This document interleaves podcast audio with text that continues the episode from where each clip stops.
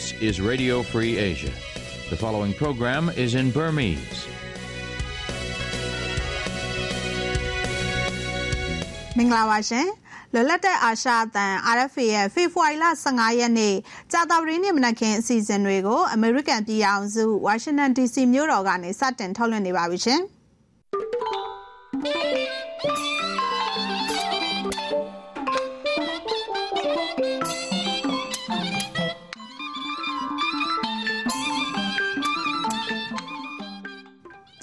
ကျမဝေမာထွန်းပါရှင်ဒီနေ့မနက်အစီအစဉ်မှာတန်လျင်မှာလူငယ်တွေကိုစစ်မှုထမ်းဖို့စစ်ကောင်စီကဖမ်းဆီးခဲ့တဲ့သတင်းချီဖွေမှာဒေသခံတွေကို KIA ကဖမ်းဆီးထားတဲ့သတင်းနဲ့အတူ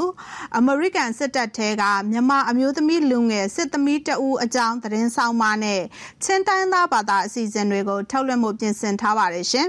အခုတော့သတင်းတွေကိုအရင်ဆုံးထုတ်လွှင့်ပါမယ်ရှင်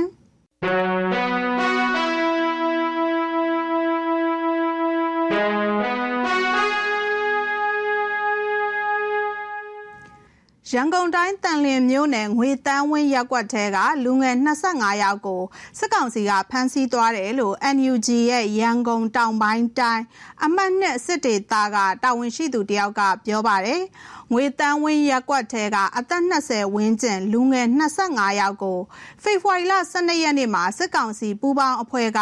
တပ်အိမ်တယောက်မလိုက်မနေရဆိုပြီးတော့ခေါ်ဆောင်သွားတာလို့ရဲဘော်ဆန္နာကပြောပါတယ်ဖေဖော်ဝါရီလ23ရက်နေ့ညပိုင်းကလည်းဒါကရက်ကွက်ကနေအိမ်တွေကိုအဲဇင်းဝင်စစ်ပြီးတော့အထောက်အထားမခိုင်လုံလို့ဆိုတဲ့အကြောင်းပြချက်နဲ့မြို့ကန်10ဦးထက်မနည်းဖမ်းဆီးခံခဲ့ရတယ်လို့ဆိုပါတယ် ဒါအပြင်တန်လင်းမြို့ကြိုက်ခောက်ဖျားလန်းကကြားဖျားဖူဆယ်ကွင်းမှာလည်းအသက်20အရွယ်လူငယ်တွေကိုစစ်ကောင်စီကဝင်ရောက်ဖမ်းဆီးသွားတယ်လို့ပြောပေမဲ့အတိမပြုတ်နိုင်သေးဘူးလို့သူကပြောပါတယ်စစ်ကောင်စီရဲ့ရန်ကုန်တိုင်းပြောခွင့်ရတိုင်းဥပဒေချုပ်ဦးထေးအောင်ကို RFA ကဖုန်းနဲ့ဆက်သွယ်ခဲ့ပေမဲ့လက်ခံဖြေကြားတာမရှိပါဘူးပြည်သူစစ်မှုထမ်းဥပဒေကိုစစ်ကောင်စီကအသက်သွင်းပြီးတဲ့နောက်ပိုင်းဒီအပိုင်းနဲ့ရန်ကုန်အပါအဝင်တနိုင်ငံလုံးကပြည်သူတွေစိုးရိမ်နေကြပြီးတော့နေ့စဉ်အသွားလာအထူးဂရုစိုက်နေကြရတယ်လို့ပြောပါတယ်။အခုလိုဖမ်းခံရတဲ့သတင်းနဲ့ပတ်သက်လို့ RFA ကတီးခြားအတိမပြုတ်နိုင်သေးပါဘူးရှင်။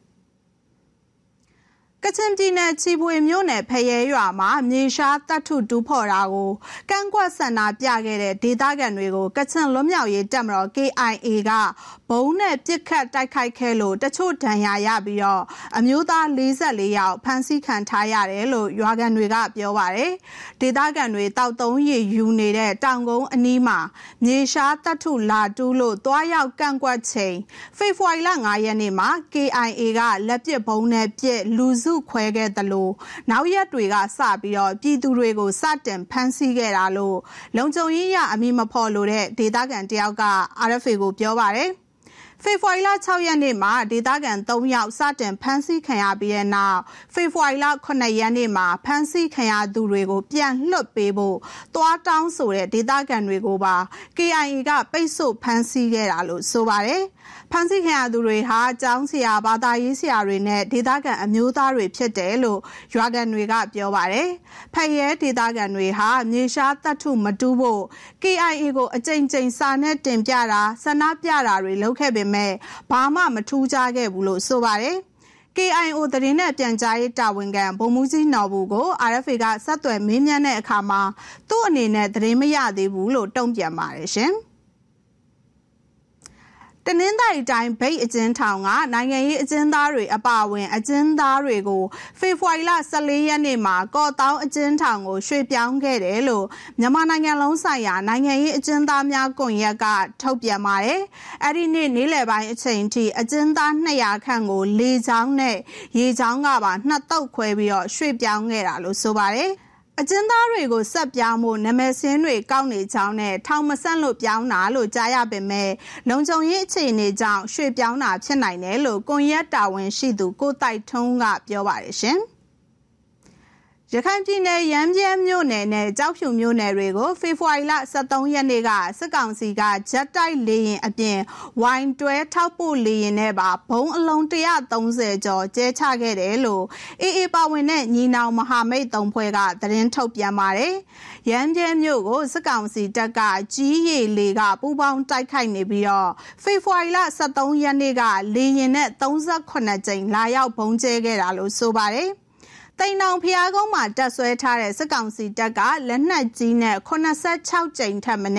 ပစ်ခတ်ခဲ့ပြီးတော့ရေချောင်းကနေလည်းလက်နက်ကြီးအလုံးရာနဲ့ချီပစ်ခတ်ခဲ့တယ်လို့ထုတ်ပြန်ချက်မှာဖော်ပြပါတယ်။ရမ်းမြဲမြို့ကန်တထောင်ကျော်ထွက်ပြေးတိမ်းရှောင်နေရပြီးတော့လက်နက်ကြီးပစ်ခတ်တံတွေနဲ့မြို့ရင်းမှာမိโกတွေထွက်နေတာကိုမြင်တွေ့ရတယ်လို့မြို့ကန်တွေကပြောပါတယ်ရှင်။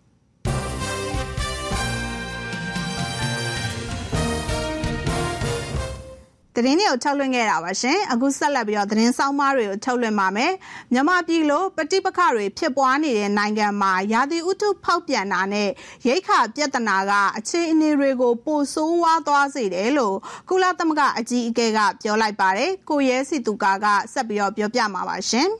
ရာသီဥတုကမောက်ကမဖြစ်တာနဲ့ စားနပ်ရိက္ခာပြဿနာဟာကမ္ဘာငြိမ်းချမ်းရေးကိုထိပါပြီးမြန်မာနိုင်ငံလိုပြည်ပကဆက်လက်ဖြစ်ပွားနေတဲ့နေရာတွေမှာအခြေအနေပိုဆိုးစေတယ်လို့ကုလသမဂ္ဂအထွေထွေအတွင်းမှုချုပ်အန်တိုနီယိုဂူတာရက်စ်ကဖေဖော်ဝါရီလ14ရက်နေ့ကပြောကြားလိုက်ပါတယ် on global peace and security စီးရီးယားမြန်မာနဲ့ဂါဇာကမ်းမြောင်ဒေသတွေကိုဥပမာအဖြစ်ထည့်သွင်းပြောရုံမကဒီနေ့ကမ္ဘာမှာငတ်မွတ်ခြင်းနဲ့ပြည်ပကဆက်ဆက်နေတာများပြားနေတယ်လို့လည်းပြောပါတယ်။စီးရီးယားမှာဆယ်စုနှစ်ကြာတဲ့စစ်ပွဲနဲ့အလွန်တရာဆိုးဝါးတဲ့မြေငလျင်ကြောင့်လူ73သန်းနီးပါးထမင်းမစားရပဲအိယာဝင်နေရတယ်လို့ပြောပါတယ်။မြန်မာနိုင်ငံမှာပြည်ပခနဲ့နိုင်ငံရေးမတည်ငြိမ်မှုကြောင့်ငတ်မွတ်မှုအဆုံးသက်ရေးမျှော်လင့်ချက်တွေပြောင်းပြန်ဖြစ်ကုန်တယ်လို့ပြောပါတယ်။ မြန်မာနိုင်ငံမှာလူ12.9တန်းစားနပ်ရိက္ခာမပူလုံပဲလူ17.6တန်းကလူသားချင်းစာနာမှုအကူအညီလိုပြီးပြိပခတွေကြောင့်လူ2.6တန်းကနေရက်ကနေရွှေ့ပြောင်းနေရတယ်လို့လည်း WFP ကမ္ဘာစားနပ်ရိက္ခာအစီအစဉ်ကပြောထားပါတယ်။ဂါဇာကမ်းမြောင်ဒေသကတော့ကမ္ဘာမှာအငတ်မွတ်ဆုံလူသားတွေရှိနေပြီးဘသူမှဝဝလင်လင်မစားရပဲလူ9သိန်းမှာ80ရာခိုင်နှုန်းစားလောင်နေကြတယ်လို့ကုလအတွင်းမှုချုပ်ကပြောပါတယ်။ ရာသီဥတုအခင်းကျင်းကစိုးစိုးဝါးဝါဖြစ်နေတဲ့ကြားကမ္ဘာနေရအတော်များများမှာပြိပခါတွေဖြစ်ပွားနေပြီးပင်လယ်နီမှာအကြမ်းဖက်မှုတွေရှိတာကြောင့်အခြေအနေတွေကပူဆိုးဝါးစားနပ်ရိက္ခာမလုံလောက်မှုကပူတိုးပွားစားတောက်ကုန်ဈေးနှုန်းတွေကပိုတက်မယ်လို့ပြောပါတယ်။လောလောဆယ်မှာရာသီဥတုပြောင်းလဲမှုတန်းကို၁၄နိုင်ငံကစိုးစိုးဝါးဝါကြုံတွေ့ရမယ်လို့သတ်မှတ်ထားပါတယ်။မနစ်က2023ခုနှစ်မှာကမ္ဘာတဝန်းကလူတန်း330ကျော်ထိခိုက်ရတယ်လို့ WFP ကခန့်မှန်းပါတယ်။ ဒီနှစ်2024ခုနှစ်အတွင်းဆိုရင်18နိုင်ငံကအထူးဆိုရင်ရတယ်လို့နှစ်ဦးပိုင်းမှာတင်တတိပေးထားပါတယ်။ရာသီဥတုပြောင်းလဲမှုတန်းစိုးစိုးဝါးဝါရင်ဆိုင်ရမယ့်၁၄နိုင်ငံစလုံးကလည်းပြည်ပခတွေခံစားနေရပြီး73နိုင်ငံဟာလူသားချင်းစာနာရေးအကျက်တဲတွေနဲ့ကြုံနေရပါတယ်။မြန်မာနိုင်ငံဟာရာသီဥတုပြောင်းလဲတဲ့တန်းစိုးစိုးဝါးဝါရင်ဆိုင်ရမယ်လို့လည်းတတိပေးထားပါတယ်။လူသားချင်းစာနာရေးအကူအညီပေးရေးအဖွဲ့တွေကိုပြည်ပခတွေဖြစ်ပွားနေတဲ့နေရာတွေတွားခွင့်ပေးရမယ်လို့ ကုလသမဂ္ဂအထွေထွေအတွင်းမှုချုပ်အန်တိုနီယိုဂူတာရက်စ်ကပြောကြားပါတယ်ခင်ဗျာ။ကျွန်တော်ရဲစီသူကပါအာရဖေရဆက်လက်ထုတ်လွှင့်နေပါတယ်ရှင်ပြည်သူတွေစစ်မှုမထမ်းမနေရဥပဒေကိုလက်တွေ့အကောင့်ထဲပေါ်မဲ့ပြည်သူစစ်မှုထမ်းစင့်ခေါ်ရေးဗဟိုအဖွဲ့ကိုဖွဲ့စည်းလိုက်ကြောင်းစစ်ကောင်စီကဖေဖော်ဝါရီလ23ရက်နေ့ညပိုင်းမှာကြေညာခဲ့ပါတယ်မထထအင်ရာကိုဆက်ပြီးတော့ပြောပြမှာပါရှင် ပြည်သူတွေစစ်မှုမထမ်းမနေရဥပဒေကိုလက်တွေ့အကောင့်ထဲပေါ်မဲ့ပြည်သူစစ်မှုထမ်းစင့်ခေါ်ရေးဗဟိုအဖွဲ့ကိုဖွဲ့စည်းလိုက်ကြောင်းစစ်ကောင်စီကဖေဖော်ဝါရီလ23ရက်ညပိုင်းကအမိန့်ကြော်ညာစာထုတ်ပြန်ပါတယ်။အဲ့ဒီအဖွဲ့ကိုစစ်ကောင်စီရဲ့လက်ရှိကာကွယ်ရေးဝန်ကြီးဗိုလ်ချုပ်ကြီးတင်အောင်ဆန်းကဥက္ကဋ္ဌကြီးရည်လီညှိနှိုင်းရေးမှူးဗိုလ်ချုပ်ကြီးမောင်မောင်အေးကဒုတိယဥက္ကဋ္ဌအဖြစ်တာဝန်ယူထားပြီးစစ်ဥပဒေချုပ်စစ်ထောက်ချုပ်နဲ့ရှေ့နေချုပ်အပါအဝင်စုစုပေါင်းအဖွဲ့ဝင်18ဦးနဲ့ဖွဲ့စည်းထားပါတယ်။ အဲ့ဒီအဖွဲ့ဟာပြည်သူစစ်မှုထမ်းဥပဒေပုံမှန်6အရတိုင်းနယ်ပြည်နယ်ခရိုင်မြို့နယ်စတဲ့စစ်မှုထမ်းစစ်ခေါ်ရေးအဖွဲ့တွေကိုလိုအပ်တယ်လို့ဆက်လက်ဖွဲ့စည်းသွားမှာပါစစ်ကောင်စီဘက်ကဒီလိုတဆင့်ပြီးတဆင့်လှုပ်ဆောင်လာတဲ့အပေါ်စိုးရိမ်ကြောက်လန့်မိတယ်လို့လူငယ်အများစုကပြောပါတယ်ဒီအချိန်စစ်မှုထမ်းရင်သိမဲ့ဆိုတာသိနေပေမဲ့တခြားရွေးချယ်စရာမရှိဘူးလို့လုံခြုံရေးအရာအမည်မဖော်လို့တဲ့ရန်ကုန်မြို့ကလူငယ်တအုပ်ကပြောပါတယ်။သူကစစ်မှုထမ်းနေမှာ ရောင်ရီလုံးနေရဟုတ်အောင်မို့တယ်နောက်ပြီးတော့ဒါမှန်လားမှန်လားတိုင်းကြည့်ဝင်တင်းနဲ့လည်းရှိအဲ့တော့စိတ်မကမ်းရင်တကယ်ရင်းနေရတယ်ဒီတိုင်းပဲလေအကုန်လုံးကရဲရဲတန်းဖြစ်သွားတယ်ဝင်ရမှာပဲအမျိုးမပြစ်မနေလာဖို့ကျွန်တော်လိုက်ရမှာသူတို့ဘာမှတော့ပြန်လုပ်လို့မဒီဒီမှာလည်းနေနေတယ်သူတို့ပြည့်တင်ရတင်မယ်ခွဲလာရမယ်ဒီလောက်နေနေဝင်တာပဲ အမည်လွယ်ကိုမင်းလွင်လို့ပေးထားသူမန္တလေးမြို့ကအသက်22နှစ်အရွယ်လူငယ်တဦးကတော့လက်ရှိအခြေအနေမှာ PDF တပ်ဖွဲ့တွေလည်းမဝင်ခြင်းစစ်တပ်ထဲလည်းမဝင်ခြင်းတာကြောင့်သူတို့လိုလူငယ်တွေမှာတခြားရွေးချယ်စရာလုံးဝမရှိတော့ဘူးလို့ RFA ကိုပြောပါတယ်။ကျွန်တော်တို့အနေနဲ့ရွေးချယ်စရာလုံးဝမရှိဘူး။စစ်ကောင်စီကကြောင်ပိတ်ပြီးတက်ထဲဝင်ခိုင်းနေတာအာအခုဆိုရင်ဗျာနေရောညပါအပြင်းမထွက်ရကြတော့ဘူး။ပေါ်တာဆွဲတာတွေလည်းရမ်းများလာတော့အကုန်လုံးကြောက်နေကြတယ်။ တငယ်ချင်းတွေကတော့ PDF ထဲဝင်မယ်လို့တော့ပြောကြတယ်။ကျွန်တော်ကတော့စစ်မတိုက်နိုင်လို့ဘာလို့ရမလဲမသိတော့ဘူးအချိန်နေဖြစ်နေပြီ။စစ်ကောင်စီပြောခွင့်ရဗိုလ်ချုပ်ဇော်မင်းထွန်းကတော့ပြည်သူစစ်မှုထမ်းဥပဒေဟာနိုင်ငံတော်ကိုကာကွယ်ဖို့အတွက်နိုင်ငံသားတိုင်းစစ်ပညာသင်ကြားနိုင်မဲ့အခွင့်အရေးလို့စစ်ကောင်စီလက်အောက်ခံမီဒီယာတွေကတစစ်ဖေဖော်ဝါရီ23ရက်ညကထပ်ပြောခဲ့ပါသေးတယ်။ပြည်သူစစ်မှုထမ်းဥပဒေစားတဲ့အခါမှာအားလုံးချိတ်ချောင်းနေတာဒီနေ့ပဲတနက်ကင်ပြီးဒီနေ့ပဲရှည်တန်းထွက်အောင်လို့ပြောနေတယ်မဟုတ်ပါဘူး။ ကျွန်တော်တို့ professional စစ်သားတယောက် professional နိုင်ငံတော်ကာကွယ်ရေးတာဝန်ထမ်းဆောင်တဲ့သူတေလိုစစ်ပညာနိုင်ငံတော်ကာကွယ်ရေးပညာကိုအပြည့်အဝသင်ကြားပြီးမှကျွန်တော်တာဝန်ထမ်းဆောင်မှာဖြစ်ပါတယ်အသက်23နှစ်အရွယ်သားတယောက်ရှိနေတာကြောင့်သားအတွက်စိုးရိမ်နေရတယ်လို့ရန်ကုန်မြို့ကန်ဦးဝေလွင်ဦးကပြောပါတယ်မိဘတွေတော့စိတ်ပူတာပေါ့အင်မတန်ပါအဓိကရွေးချယ်စရာနှစ်ခုပဲရှိတယ်ပေါ့နော်သားသမီးတွေကိုဟို မိဘတယောက်အနေနဲ့ နောက်ဆုံးပြောနေတဲ့စကားကပါလဲဆိုဘယ်လောက်ရွေးမလဲ အဲ့လိုမှ မရွေးဘူးဆိုရင် တို့ ဘယ်လို ဒါကို တွန်းလှန်တိုက်ထုတ်မလဲ ဒီမေးခွန်း နှစ်ခုပဲရှိတယ် ဟုတ်တယ်မလား အဲ့တော့ မိဘတွေကတော့ကြည်ပြီးတဲ့မိဘ တယောက်မှ ရှိတာမဟုတ်ဘူး တယောက်မှလည်းကြည်ပြီးမှလည်း မဟုတ်ဘူး လက်ရှိနေတာမှာ အကုန်လုံးကို သူကဟိုရုပ်မှဆုံးလမ်းကုန်လမ်းဆုံးသွားပြီ သူကဒီလောက်တာ ရန်ကုန်နဲ့မန္တလေးမြို့ကန်တွေကတော့ဖေဖော်ဝါရီလ10ရက်စစ်မှုထမ်းဥပဒေကြေညာပြီးနောက်ပိုင်းရန်ကုန်နဲ့မန္တလေးမြို့မှာလူငယ်အများစုည8နာရီနောက်ပိုင်းအပြင်းထွက်သွားလာတာနေသွားတယ်လို့ပြောပါတယ်။ဗိုလ်ချုပ်စော်မင်းထွန်းကတော့ပြည်သူစစ်မှုထမ်းဥပဒေကိုလာမယ့်ဧပြီလတကြံရုံးပိတ်ရက်အပြီးမှာလက်တွေ့လှုပ်ဆောင်တော့မှာဖြစ်ပြီးတော့အပတ်စဉ်တစ်ခုတိုင်းအတွက်လူသစ်9000ခေါ်ယူသွားမယ်လို့သတင်းမီဒီယာတချို့ကိုပြောဆိုထားပါတယ်။ စစ်ကောင်စီလက်အောက်ခံမီဒီယာတွေကတော့ဒီကိစ္စကိုအတိအကျထုတ်မပြောသေးပါဘူး။အမျိုးသားညီညွတ်ရေးအစိုးရ NUG ကတော့စစ်မှုမထမ်းမနေရဥပဒေကိုပြည်သူတွေလိုက်နာစရာမလိုဘူးလို့ဖေဖော်ဝါရီလ23ရက်နေ့ကချက်ချင်းကြေညာချက်ထုတ်ပြန်ပြီးတော့တုံ့ပြန်ထားပါတယ်။နိုင်ငံတော်ဝန်စစ်ရေးရှုံးနေနေတဲ့စစ်ကောင်စီဟာစစ်မြေပြင်မှာပြည်သူတွေကိုလူသားတိုင်းဖြစ်အုံချဖို့ဒီဥပဒေကိုရည်ရွယ်ချက်ရှိရှိအသက်သွင်းလာတာလို့ဆိုပါတယ်။ စစ်မှုမထမ်းခြင်းနဲ့လူငယ်တွေလွတ်မြောက်နေမြေကိုထွက်ပြေးလာရင်ကိုကြီးစောက်ရှောက်ဖို့ပြင်ဆင်နေတယ်လို့လည်းအမျိုးသားညီညွတ်ရေးအစိုးရ NUG ရဲ့ဝန်ကြီးချုပ်ရုံးပြောရေးဆိုခွင့်ရှိသူဦးနေပုံလက်ကပြောပါရယ်ကျွန်တော်တို့အခုအမှန်တိုင်းပြောရင်တော့လွတ်မြောက်နေမြေတွေရှိနေပါပြီဒေါ်လာရင်းအင်အားစုတွေရဲ့တော့ကျွန်တော်တို့ NUG ရဲ့နဲ့နှစ်ခုလုံးမှာဒါလွတ်မြောက်နေမြေတွေဒါ44မြို့နယ်ကျော်ရှိနေပြီပေါ့နော်အဲဒီလိုနေရာတွေလည်းရှိရပြင်တိုင်းသားနယ်မြေတွေလည်းရှိနေတဲ့အနေထားပေါ့နော်ဒါတွေမှာအကယ်လို့များပြည်သူတွေအနေနဲ့ ဒီလိုနယ်မြေတွေကိုရောက်ရှိလာမယ်ဆိုရင်လည်းပဲကျွန်တော်တို့ဒီ NUG နဲ့တော့တိုင်းသားဒေါ်လာအင်အားစုတွေကပူးပေါင်းပြီးတော့ဘယ်လိုကူညီဆောင်ရှောက်မလဲဆိုတဲ့အစီအမံတွေလည်းကျွန်တော်တို့ဒါစဉ်းစားပြင်ဆင်နေတာတွေရှိနေပါပြီဗျစစ်မှုထမ်းဟောင်းတွေကခေါ်တဲ့ခေါ်တိုက်သူတွေကိုပြန်ခေါ်ယူသွားမှဖြစ်ပြီးတော့စစ်မှုထမ်းမှုညှင်းဆန်မယ်ဆိုရင်တော့၃နှစ်ထက်မပိုတဲ့ထောင်ဒဏ်ဒါမှမဟုတ်ငွေဒဏ်နဲ့ဒဏ်နှစ်ရက်စလုံးကိုချမှတ်နိုင်တယ်လို့လည်းကြေညာချက်မှာဖော်ပြထားပါတယ်ရှင်။ RFA ရဲ့အစီအစဉ်တွေကိုကြည့်ရှုနေရတာပါရှင်။ American စစ်တပ်ရဲ့ Engineer တပ်ရင်းမှာတက်ကြအဆင့်နဲ့တာဝန်ထမ်းဆောင်နေတဲ့မြန်မာအမျိုးသမီးမတ်ဆိုးမြတ်သင်းဟာ American စစ်တပ်နဲ့ဆိုင်တဲ့အသိပညာတွေကိုလူမှုကွန်ရက်စာမျက်နှာတွေကနေတဆင့်ဝေမျှပေးနေပါတယ်။သူပြောပြတဲ့ဗီဒီယိုတွေကမြန်မာလူငယ်တွေအကြားစိတ်ဝင်စားစရာဖြစ်နေပါတယ်။မဆိုးမြတ်တင်အကြောင်း RFA သတင်းတောက်မဆန်းမော့အောင်တင်ပြထားပါတယ်ရှင်။ မဆိုးမြတ်သိန်းဟာအသက်18နှစ်အရွယ်2016ခုနှစ်မှာမိခင်ရှိရာအမေရိကန်ပြည်ထောင်စုကိုရောက်ရှိလာခဲ့ပြီး19နှစ်မှာအမေရိကန်စစ်တပ်နန်းကိုစတင်တက်ရောက်ခဲ့တာပါအပြင်လောကနဲ့တခါမှဆက်အပ်မှုလည်းမရှိခဲ့ဘူးလေအိမ်မှာဆိုလဲအိမ်မှာလည်းမိသားစုနဲ့ပဲကြီးလာတာအမေရိကရောက်တဲ့ခါကျလည်းအမေကိုမှီပြီးကြီးတဲ့ခါကျတော့အမေမရှိဘဲနဲ့ငါတယောက်တည်းဘလို့ရက်တီနိုင်မလဲဆိုတဲ့ဟာကိုကိုကိုစိန်ခေါ်ပြီးတော့ attitude လိုက်ရဲဝင်သွားတာ အမျိုးသမီးတယောက်အနေနဲ့သူ့ခန္ဓာကိုယ်အရွယ်စားနဲ့မမျှတတဲ့စစ်လေးကျင်ရေးတွေကိုစိတ်တဲ့ကြင်ကြက်ခိုင်ဖြတ်တန်းခဲ့ရတယ်လို့ဆိုပါတယ်။မိခင်ကအားပေးခဲ့ပေမဲ့ပတ်ဝန်းကျင်ကမဖြစ်နိုင်ဘူးဆိုတဲ့အမြင်တွေကြားတဲ့ဒီလမ်းကြောင်းကိုမတွေ့ဖဲပဲဆက်လက်ရှောက်လန်းမှုဆုံးဖြတ်ခဲ့တာပါစဝင်ငံနီးမှာတော်တော်များများဗာပြောဆိုသမီးဖြစ်နိုင်ရဲ့လားတေးသေးလေးနဲ့ဖြစ်နိုင်ရဲ့လားပေါ့နော်အမေတငယ်ချင်းတွေကလည်းပြောတယ်အဲဖြစ်နိုင်ရဲ့လားကျိုးပြီးတော့ချိုးနေတော့မှခန္ဓာကိုယ်အကြီးတော့မှကျိုးပြီးပြန်လာတာပေါ့ဆိုအဲ့ရောက်သွားအချိန်မှာအဲ့ ဒီသူတို့ရဲ့ပြောအားတွေကကိုယ့်အတွက်ကိုပို့ပြီးတော့ဖိအားတစ်ခုဖြစ်စေတာပေါ့နော်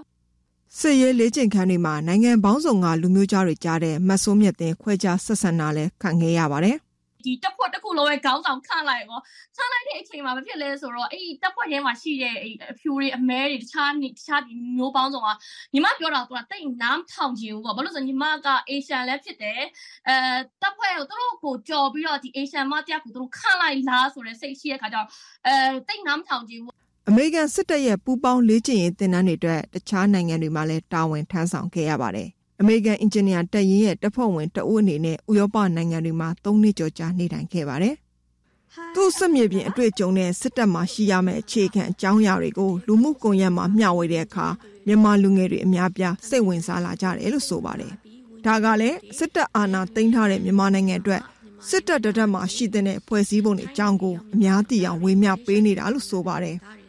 ခုကဒီလိုပုံစံမျိုးရှိကိုရှိတဲ့နယ်စစ်သားတယောက်ကိုဝင်လာတဲ့စစ်သားတယောက်ကိုဘယ်နိုင်ငံကပဲဖြစ်ဘယ်လူမျိုးကပဲဖြစ်ဘယ်အဖွဲ့အစည်းဘယ်ဘာသာကိုယ်ကနေဒီလိုပုံစံမျိုးလူလူချင်းကိုဆက်ဆံရတယ်ဆိုတာကိုသိစေခြင်းလို့ကိုလုံးတော့ပြတာပေါ့နော်စစ်တပ်မှာစစ်သားတွေကိုဒီလိုမျိုးဖိနှိပ်ခြင်းလည်းမရှိဘူးညီမတို့အခုချီကတင်နဲ့တက်ခဲ့တဲ့အချိန်မှာအဲတင်နန်းစရာတွေကအော်ဒါအော်ဒါဘေးနားမှာနားနားကြီးအောင်သူကကြီးကန်းအော်လို့အော်တယ်ဒါပေမဲ့ညီမတို့ဖိလာဆိုတစ်ချက်တည်းမှညီမတို့မထိခဲ့ဘူး ရိုက်တာလည်းမရှိခဲ့ဘူးပုတ်တာလည်းမရှိခဲ့ဘူးအဲ့လိုမျိုးဗဇက်ကနေစော်ကားပြောတာတွေပါတယ်တစ်ခုမှမရှိခဲ့ဘူးအဲအဲ့ဒါကြောင့်ကိုကအဲ့ဒါတွေကိုသူတို့သိစေချင်တာပေါ့နော်အမေရိကန်စစ်တပ်နဲ့သက်ဆိုင်တဲ့အကြောင်းအရာတွေဒါမှကမြန်မာစာနဲ့ပတ်သက်တဲ့အရာတွေကိုလည်းမျှဝေလေးရှိသူပါပြည်ပနိုင်ငံတွေကိုရောက်နေတဲ့မြန်မာလူမျိုးတွေအနေနဲ့ဘလို့အခြေအနေမှာပဲဖြစ်ဖြစ်မြန်မာစာကိုမမေ့သင့်ဘူးလို့လည်းမစိုးမြတ်တင်ကပြောပါတယ်မြန်မာစာပေကတကယ်တကယ်တမ်းဒီအမေရိကမှာအရင်ရှားပါတယ်ပေါ့နော်။အဓိကအမေရိကန်စစ်တပ်ထဲမှာဆိုလို့ရှိရင်ညီမတို့ ရဲ့ဒီစာပေက A list ထဲမှာကိုပါလာတာပါလာတယ်ဆိုတာညီမကလည်းဒီဒီမှာစဝင်ရင်တော့မသိဘူးညီမစာပေလို့ပါနေမှမသိတော့ညီမစာမွေးတော့ဖြည့်တဲ့အချိန်မှာဒီဘာသာရေးနဲ့ပတ်သက်ပြီးစာမွေးတော့ဖြည့်တဲ့အချိန်မှာမှမြန်မာစာပေက A list ထဲထည့်ထားခံရတယ်ဟောသိရတာပေါ့နော်။သိရဆိုတော့ emergency pay အနေနဲ့ရောသူကဒီရှားပါစာပေအနေနဲ့ထည့်သွင်းထားတာပေါ့။အဲ့တော့အဲ့ဒီတက်ကြောင့်မို့ကမြန်မာစကားပြောတတ်တာကိုလည်းတအားဂုဏ်ယူတယ် အမေရိကန်စစ်တပ်ထဲမှာမြန်မာအမျိုးသမီးတယောက်အနေနဲ့တာဝန်ထမ်းဆောင်ခွင့်ရတဲ့အတွက်လည်းဂုဏ်ယူတယ်လို့ဆိုပါတယ်ဒီမှာလူမျိုးကြောက်နေတဲ့ဒီအကြီး American American တက်တစ်ခုမှလာပြီးတော့တာဝန်ထမ်းဆောင်ရတဲ့အပြင်ကိုမြန်မာငါမြန်မာတယောက်ပါဆိုတာကိုနိုင်ငံလူမျိုးကြားတွေကြားမှာပြောနိုင်တာကိုလည်းဂုဏ်ယူတာပေါ့စစ်တပ်အာဏာသိမ်းမှုနောက်ဆက်တွဲအနာဂတ်ပျောက်နေတဲ့မြန်မာပြည်ကလူငယ်တွေစိတ်သက်မကြပဲတတ်နိုင်တဲ့နည်းနဲ့ရုန်းကန်နိုးထားကြဖို့လဲသူတိုက်တွန်းထားပါတယ်။ လူငယ်တွေရဲ့အားနဲ့တိုင်းပြည်ပြန်လည်တည်ဆောက်နိုင်ပြီးစစ်တပ်တရက်မှာရှိတဲ့ဂုံနဲ့ညီမျှတဲ့မြမတက်မတော်ပေါ်ပေါက်လာဖို့လဲသူမျှော်လင့်နေပါတယ်ရှင်။ RFA ထုတ်လွှင့်နေပါတယ်ရှင်။ AR တိုင်းကရွာတွေမှာပြည်သူစစ်တနန်းအတွက်လူစင်းတွေကောက်နေပါတယ်။စစ်ကောင်စီတပ်မှာစစ်သားအင်အားနည်းလာလို့စစ်သားတွေစုဆောင်းနေတာလို့နိုင်ငံရေးအင်အားစုတွေကပြောကြပါတယ်။မတ်ဂျူလိုင်မျိုးတင်ပြထားပါတယ်ရှင်။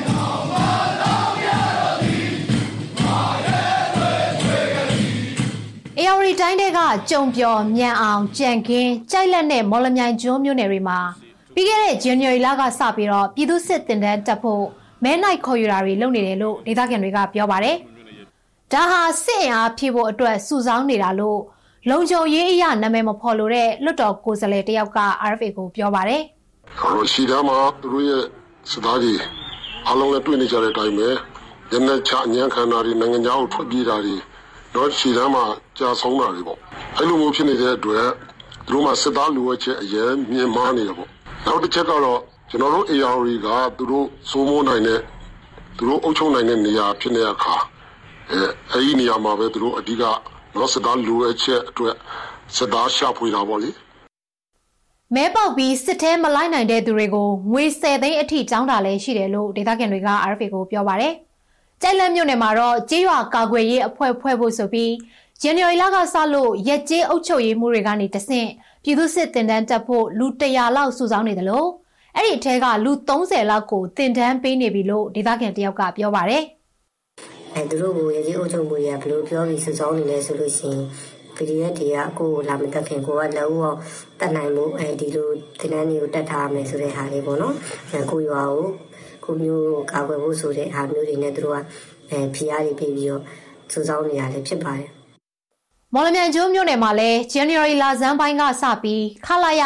934တက်ရင်မှာစစ်တင်တန်းတက်ဖို့ခေါ်နေပြီးမလိုက်ရှင်သူကတော့ငွေ10သိန်းအထိပေးရတယ်လို့အဲ့ဒီဒေသခံကပြောပါတယ်။အလားတူပဲကြုံပြော်မြို့နယ်ကရွာတွေမှာလည်း January လကစပြီးတော့ပြည်သူစစ်တင်တန်းအတွက်တရွာကိုလူ10ယောက်လောက်အထိခေါ်နေတယ်လို့ဒေသခံတယောက်က RFA ကိုပြောပါတယ်။ဒီလောက်တန်ရအဲ့လိုမျိုးပေါ့နော်မလိုက်ဘူးပေါ့နော်မလိုက်ငွေထည့်ရမယ်ဆိုတော့ငွေလောက်ဘူးတော့သူပေးနိုင်တယ်ဒီကတော့မလိုက်နိုင်ဘူးပေါ့ ပေါ့နော်အလုံးကြောင်းအကြောင်းပြလို့မရှိဘူးလို့တော့ညင်းတာသမီးရှိတဲ့လူတွေဆိုရင်တော့ခကြီးသွားနေကြတာများတယ်အဲ့ဒီရှောင်းခတ်ပုံပေါ့နော်မြန်အောင်မြို့နယ်မှာလည်းတရက်ကွက်ကိုအ ਨੇ ဆုံးလူ3ယောက်စည်ရင်းပေးဖို့ညွှန်ကြားထားတာကြောင့်ဒေသခံတွေစိုးရိမ်နေကြပါတယ်။ကြံကင်းမြို့နယ်မှာလည်းလူ30ရွေးချယ်ပြီးတော့မြန်အောင်နဲ့ပသိမ်မှာစစ်တင်တန်းတလာခွဲတက်ဖို့ပြည်သူစစ်ခေါင်းဆောင်ကဖေဖော်ဝါရီလ၄ရက်နေ့ကလိုက်ပြောနေတယ်လို့ဒေသခံတယောက်က RFA ကိုပြောပါတယ်။ ပသိမ်ခရိုင်မှာလည်းပြည်သူစစ်တင်တန်းတက်ဖို့အတွက်တမျိုးနယ်ကိုအယောက်90နှုန်းလောက်နဲ့ခေါ်နေတယ်လို့လုံခြုံရေးကြောင့်အမည်မဖော်လိုတဲ့ဒေသခံတယောက်ကပြောပါတယ်။တောင်းတငွေတောင်းပသိမ်အဲ့ဟိုကဏီတော့ပါညာအဲ့ရည်လည်းပါပြီးတော့မနေ့ကတော့တင်တန်းတွေခေါ်ပြီးရရှိတယ်။ဟောဒီမျိုးနယ်အကုန်လုံးခုနှစ်မျိုးနယ်လုံးမှာဆိုရင်ညညတမျိုးနယ်အနည်းဆုံး90လောက်တော့ရှိတယ်။တချို့မျိုးနယ်တွေကပုံများနိုင်တယ်။ကြောင်ကုန်းတို့ပါလို့ဆိုလို့ရှိရင်ဒီလူစစ်အင်အားကစစ်ကောင်စီထောက်ခံတဲ့အင်အားကောင်းတယ်လေ။ စစ်တင်တန်းကိုပသိမ်မျိုးကခလာရ281တက်ရင်အနောက်တောင်တိုင်းစစ်ဌာနချုပ်မှာပေးနေတာလို့ဒေသခံတွေကပြောပါတယ်။ပြည်သူစစ်တင်တန်းစင်းတွေကိုလူသားတိုင်းအဖြစ်အသုံးချတာတွေလည်းရှိနေတယ်လို့အမျိုးသားညီညွတ်ရေးအစိုးရပြောခွင့်ရဦးနေဖုံးလက်ကပြောပါတယ်။ကျွန်တော်တို့ရရှိထားတဲ့သတင်းရဆိုရင်လည်းချို့သောနယ်မြေမှာဒီလိုပြည်သူစစ်အနေနဲ့စုဆောင်းထားတဲ့သူချို့ကိုဒီရှေ့ရနေပြီးတော့ဒီတွားခိုင်းတာမျိုးပေါ့နော်လူသားတိုင်းလောက်တာမျိုးတွေလည်းကြုံတွေ့ခဲ့ရ ပြီးတော့အဲ့မှာလည်းကြာဆုံးမှုတွေလည်းအများအပြားရှိခဲ့တယ်ဆိုတဲ့သတင်းတွေလည်းကျွန်တော်တို့ကြားသိထားရတာရှိပါတယ်ဗျစစ်ကောင်စီပြောခွင့်ရသူဗိုလ်ချုပ်စော်မင်းထွန်းကတော့ဒီနေ့ဖြစ်နေတဲ့အခြေအနေအရပြည်သူအလုံးပါဝင်တဲ့အမျိုးသားစစ်မှုထမ်းစနစ်မဖြစ်မနေကျင့်သုံးဖို့လိုအပ်လာတယ်လို့စစ်ကောင်စီရဲ့ပြည်သူစစ်မှုထမ်းဥပဒေအသက်ဝင်တဲ့အကြောင်းကြေညာပြီးဖေဖော်ဝါရီလ10ရက်နေ့မှာစစ်တပ်မီဒီယာတွေကနေတဆင့်ပြောဆိုထားပါတယ်။ဒီဥပဒေကြေညာလိုက်တဲ့အချိန်ကစပြီးတော့ မိဘတွေနဲ့လူငယ်တွေကြားမှာစိုးရိမ်တောကတွေများနေတာလည်းတွေ့ရပါတယ်ရှင်။ RFA ရဲ့အစီအစဉ်တွေကိုကြည့်ရှုနေရတာပါရှင်အခုနောက်ဆုံးအနေနဲ့ချင်းတိုင်းသားဘာသာအစီအစဉ်ကိုထုတ်လွှင့်ပါမယ်ချင်းပြည်နယ်ရဲ့နယ်မြေ85ရာခိုင်နှုန်းကိုချင်းကကွယ်ရေးတပ်တွေကထိန်းချုပ်နိုင်ခဲ့တယ်လို့ချင်းရေးရအဖွဲ့ချုပ်ကပြောလိုက်တဲ့သတင်းအပါအဝင်ချင်းပြည်နယ်ကထူးခြားသတင်းတွေကိုမြန်မာစာတန်းတို့နဲ့ကြည့်ရှုနိုင်ပါတယ်ရှင်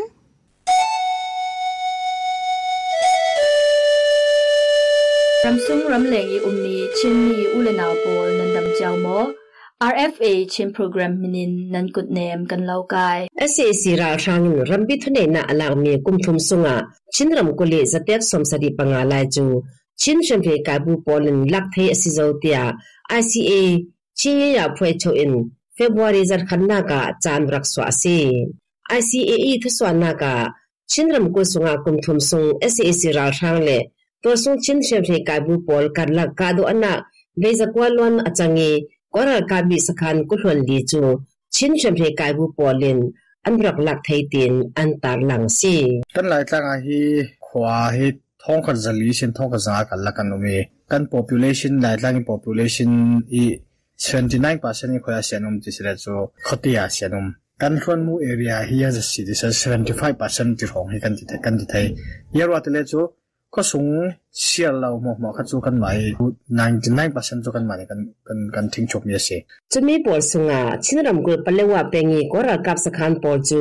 อาร์กันอาร์มีเอเออินอันหลักเทมีซีเออันดังปอลจูชินแชมเปียกายบุปอลินอันหลักเทมีซีจุเลสถานซิมเลดาวจูเลวิน SAC ราทางปอลินอันตันสัมมีปลิกสถานฮีชินรำกุลสุงอะให้หนิเตียงอาอุมเตียตลา ICA อินอันตารหลังเบซี atu rong ranga arkan army aa in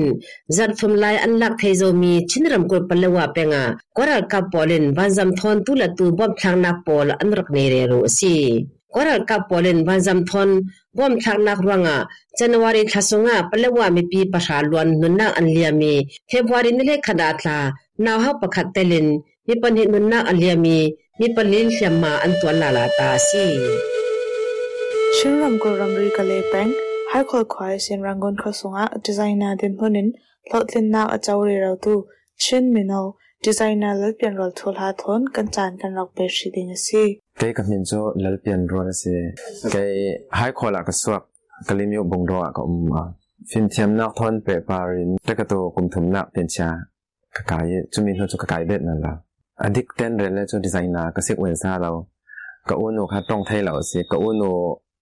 ka uno tong thai lo mi kha mi khwal an rakra te ka khaten tong kalet sak kalet sak kalet sak sen mi ndu sak thon chale mi khwal tam deu deu te ka ke mani himi cho yang ka te ding mi pa ke mani ka zera tol ka uno than kan twan tlang le longa kan sin pi thai ding kan insa ranga ka te chale mi pa khaten ka zeri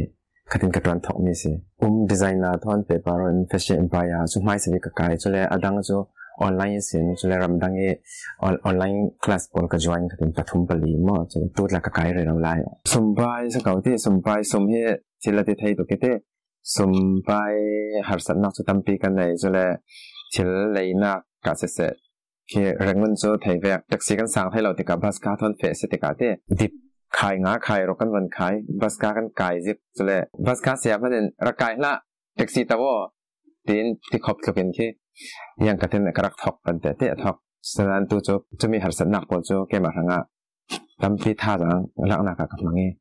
ตั้มพีมาประเทศนี้ใจสสวยตั้มพีตัวจบลงไว้หลายมีกระสือว่างอะวอกระเทยเรากันหลายทอมโซทอมมามาอมวยบิกอมวยบิกกันเกมอันจุกับโม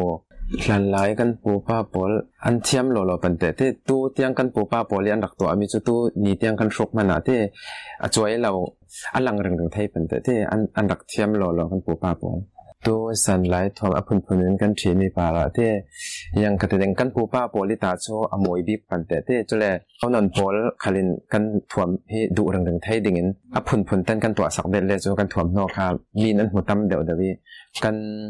พุนและกันนำให้กันจอยสร้างสินสินไทยดิ่งมีทิลประคัดเต็นกับโมเกมันนี่จ้ะโอสะทมชามาร์ชาเตเอ่อเกมาเต็นกูไปแบรนด์ brother and sister ตินแบรนด์กระสวะสิกจะมีพุนพอยจากของตุ้ม จะมีตัวหนึ่งกันเนี่ยจะมีรักสอกเล็ดละทายรักเปียกเจ้าอย่างเงี้ยเราซ้อมอ๋อมินตามินตามีดีไซน์กับตัวสักมีตามปีมจะเลตัวจะกันจกจามีปอยที่จะเลตัวเอ่อกันกว่าเรามีเวลากันกันไหนมีแต่ปอยตามกับตัวสักมีปอยตัวตามปีรักอุ้มหลายรักสอกหลายนึงจะมีได้ละทายรักเปียกหนึ่งเราซ้อมหลายมีจุดที่ดีไซน์หนาจุดที่ยังกับที่ดึงนูนาวหนากันเรตักตักได้ที่จนหนาที่มีอาจจะนูนาวเลยมีป่าหนาที่เฟซกับมื นาติมีจูกันหนากันตวนนึงมีโลถึงเขากันตวนเทเลยจุกจูนาถาเต็นกระวดเกมไอ้กวดนะครับที่จุรังอะกันมาหลายมีมีนาวเทเตจากที่มีดีไซน์นาเซกเวซ่านาตวนดูนั้นอุ้มเล่นรักสตวยไทยแกมาดิตากบอมไทยมีอุ้มแรกตามปีกรักเราบอมไทยตูซาร์กันชิมโปรแกรมจูหิมวอินกันจอลตาชีดิงรักเจ้าตูนันจาดปาระกันลงโอ้ยนันซาเตนดำเป็น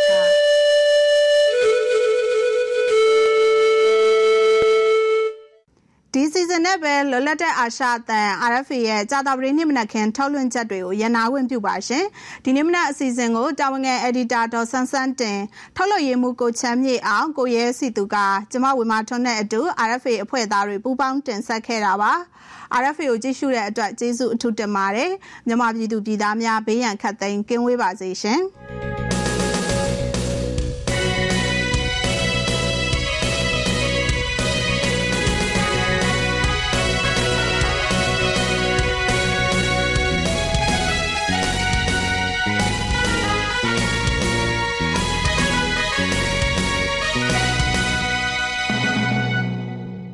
have been listening to Radio Free Asia.